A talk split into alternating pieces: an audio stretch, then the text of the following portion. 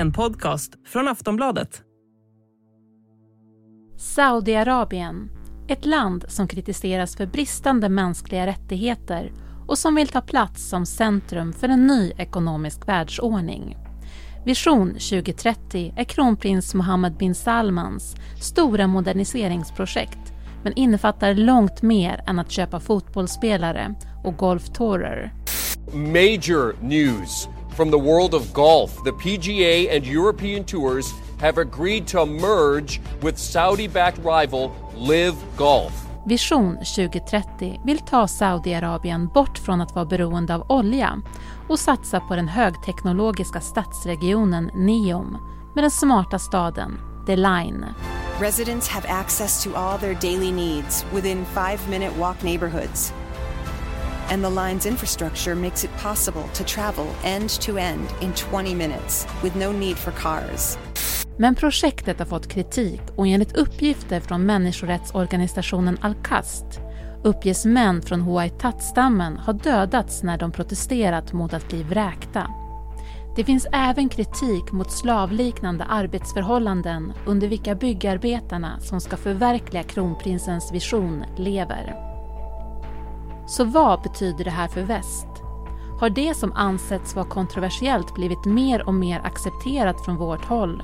Och vilken påverkan kommer Saudiarabien ha för världen i framtiden? Du lyssnar på Aftonbladet Daily. Jag heter Eva Eriksson. Gäst är Anders Persson, universitetslektor i statsvetenskap med inriktning Mellanöstern, som beskriver Vision 2030.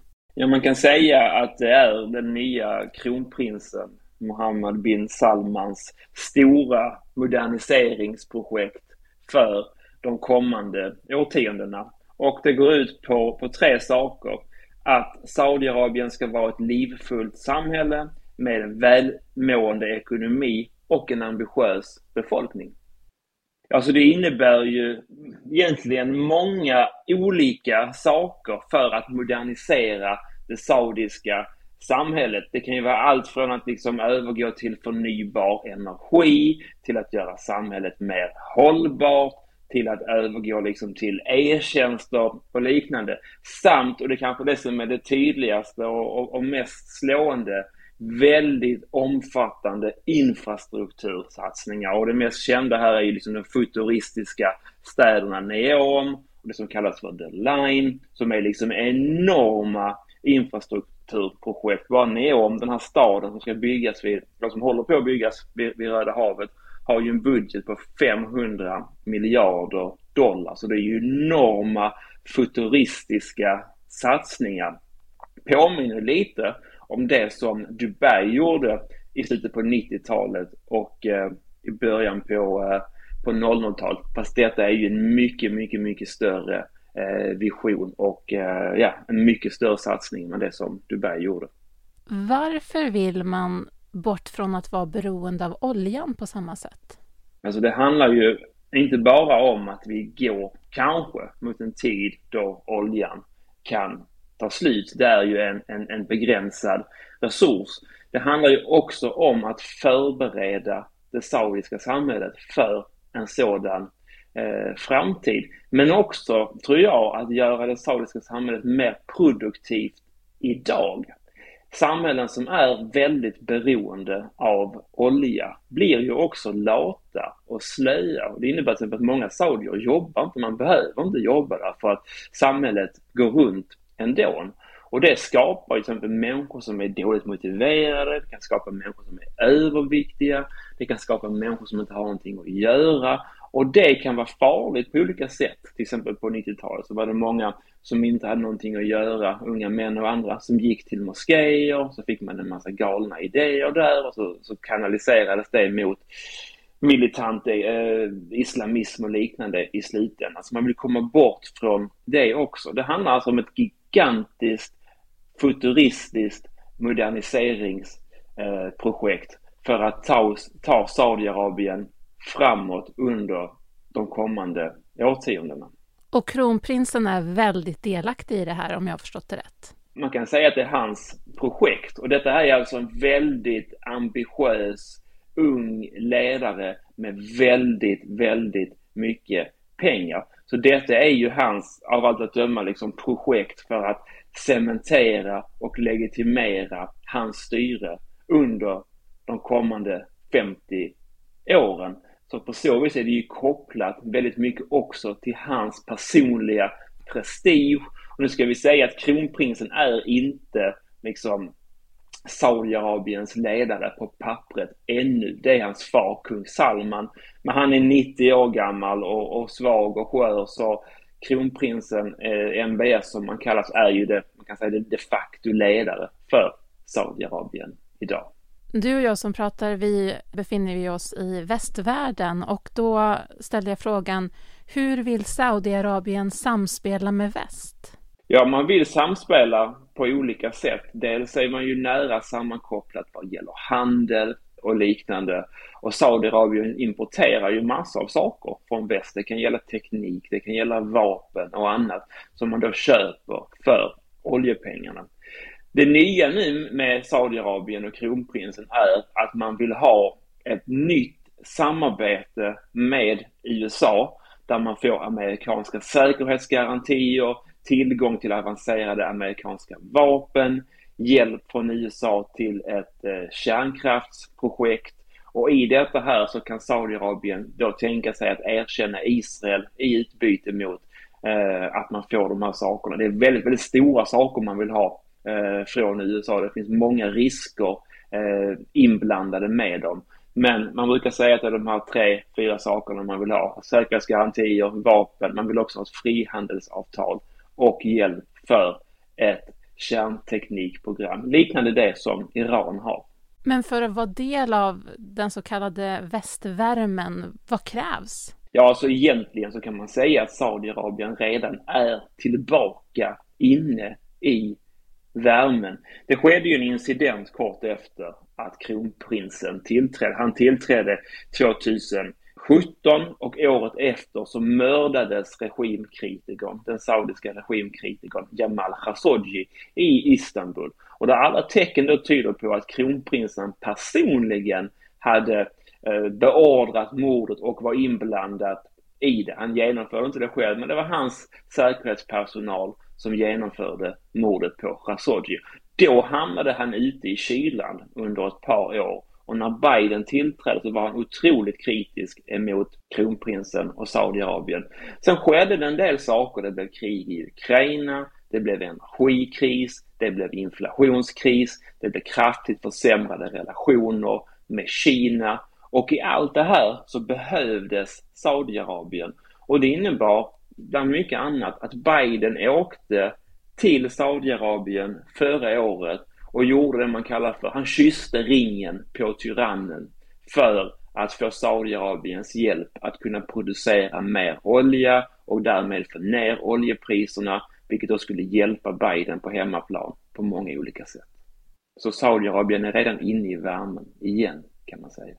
Jag brukar säga till mina studenter att detta här är det bästa exemplet på hur realpolitik trumfar mänskliga rättigheter. Det vill säga att Biden åkte till Saudiarabien, kysste ringen på tyrannen och lät Saudiarabien komma in i värmen igen. Utan att man behövde göra någonting vad gäller då mordet på Khashoggi. Det låter maffigt med Vision 2030. Men det här kommer inte utan risker menar Anders Persson. Aftonbladet Daily är strax tillbaks.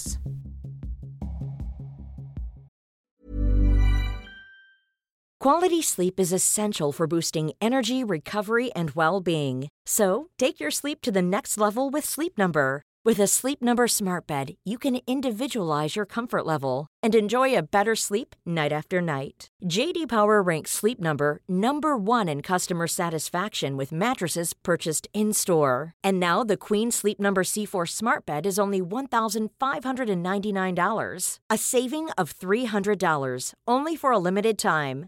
For JD Power 2023 award information, visit jdpower.com/awards. Only at Sleep Number stores or sleepnumber.com. Vi har ju pratat väldigt mycket om så här stora ambitiösa planer, modernisering och, och så. Men, men det är ju också så att i våra ögon så ses ju Saudiarabien på många sätt som kontroversiellt då med stora brister när det kommer till mänskliga rättigheter. Finns det anledning att liksom känna oro över den plats och den mark som Saudiarabien verkar vilja ta framåt? Ja, men det tycker jag. Eh, det finns en väldigt stor oro kopplat till det här. Eh, kronprinsen Mohammed bin Salman påminner ju mycket, mycket mer om, låt säga, Putin för 30 år sedan, Erdogan för 30 år sedan, Xi Jinping för 10 år sedan. Det vill säga en ambitiös ledare som vill stärka den inhemska ekonomin och den inhemska nationalismen utan att demokratisera överhuvudtaget. Så det är ju den typen av ledare som Mohammed bin Salman är, snarare än någon typ utav Nelson Mandela eller Thomas Jefferson eller något liknande. Så detta är ju liksom en klassisk auktoritär ledare. Det finns massor av farhågor kopplade till det. Vi ser till exempel vad det har gjort med Ukraina och det finns liknande farhågor med Taiwan från Kinas håll och så vidare. På samma sätt finns det stora risker då från västvärldens sida med att stödja auktoritära ledare i Mellanöstern. Det är en av anledningarna till varför 11 september-attackerna skedde för 20 år sedan. Det amerikanska stödet för de auktoritära ledarna i Saudiarabien som gjorde eh, Osama bin Laden väldigt förargad för, för många år sedan. Så det är några utav farhågorna som finns här. Jag tänkte att vi också ska prata lite grann då om det här neonprojektet och den smarta staden The Line. Du har varit inne lite grann på det, men det här området och den här, den här staden som det då pratas om, på vilket sätt spelar det här roll i Vision 2030? Ja, det är ju kanske flaggskeppet i, i, i den här visionen och den mest liksom, tydliga infrastruktursatsningen. Eh, eh, man kan ju gå in till exempel på, på, på, sociala medier och på Youtube och se massor av videos, bilder och futuristiska scenarion för både hur staden Neom, som då är en stad längs eh, Röda havskusten, och det ännu mer ambitiösa projektet The Line som snarare är att betrakta som ett, vad ska jag säga, jag tror att stad är för litet begrepp utan det är snarare ett samhälle, det är ju liksom en avlång stad eller projekt som ska vara 170 kilometer lång och kunna hysa 9 miljoner invånare, ungefär en tredjedel av Saudiarabiens befolkning. Så det är ju liksom ett framtida futuristiskt samhälls bygge kan man säga som ser otroligt imponerande ut på bilderna. Sen ska man ju säga att, att det här, den här satsningen med Neom har fått ganska mycket kritik redan. Vissa kritiker menar att, eh, att det är försenat, att covid-pandemin och de låga oljepriserna som, som, som rådde då satte åtminstone tillfälligt käppar i hjulet för projektet. Så det är lite oklart var någonstans det står idag.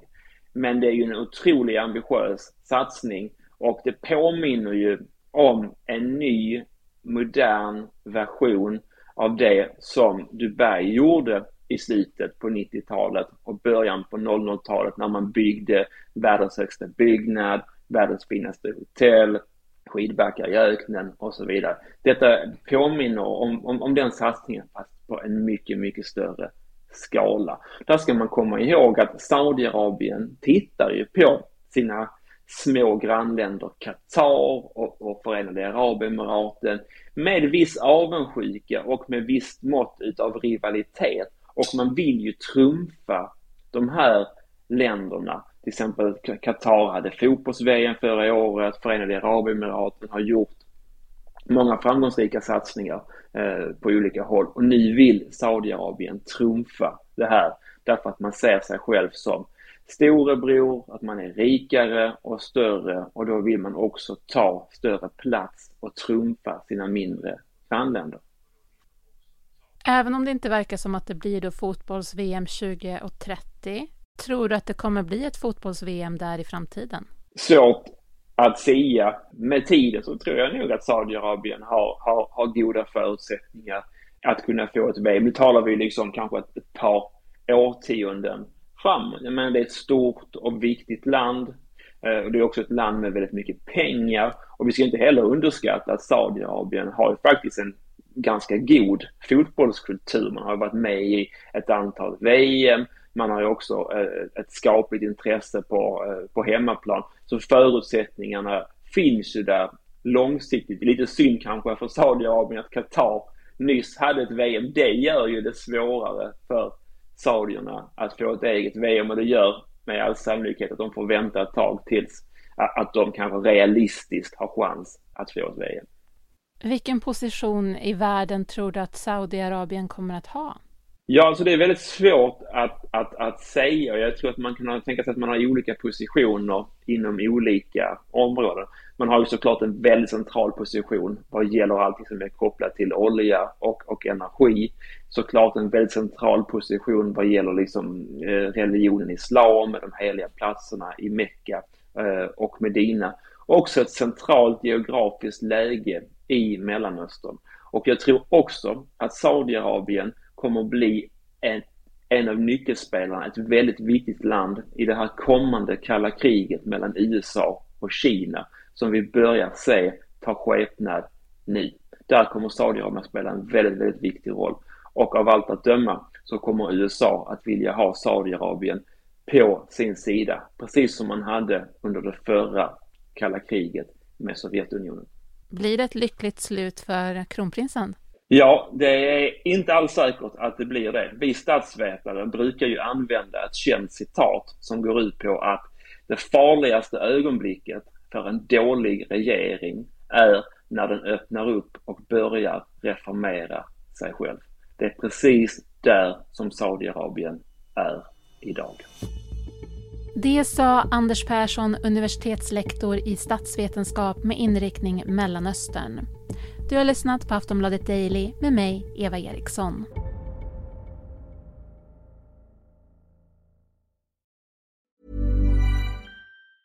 Normally being a little extra can be a bit much, but when it comes to healthcare, it pays to be extra.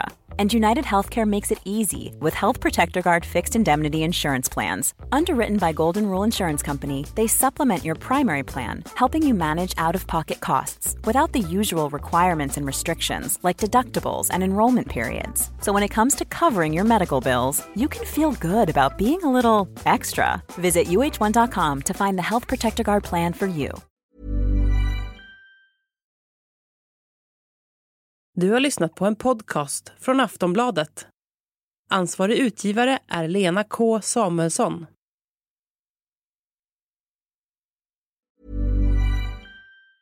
Tired of ads barging into your favorite news podcasts? Good news. Ad-free listening is available on Amazon Music. For all the music plus top podcasts included with your Prime membership. Stay up to date on everything newsworthy by downloading the Amazon Music app for free or go to amazon.com slash news ad free. That's amazon.com slash news ad free to catch up on the latest episodes without the ads.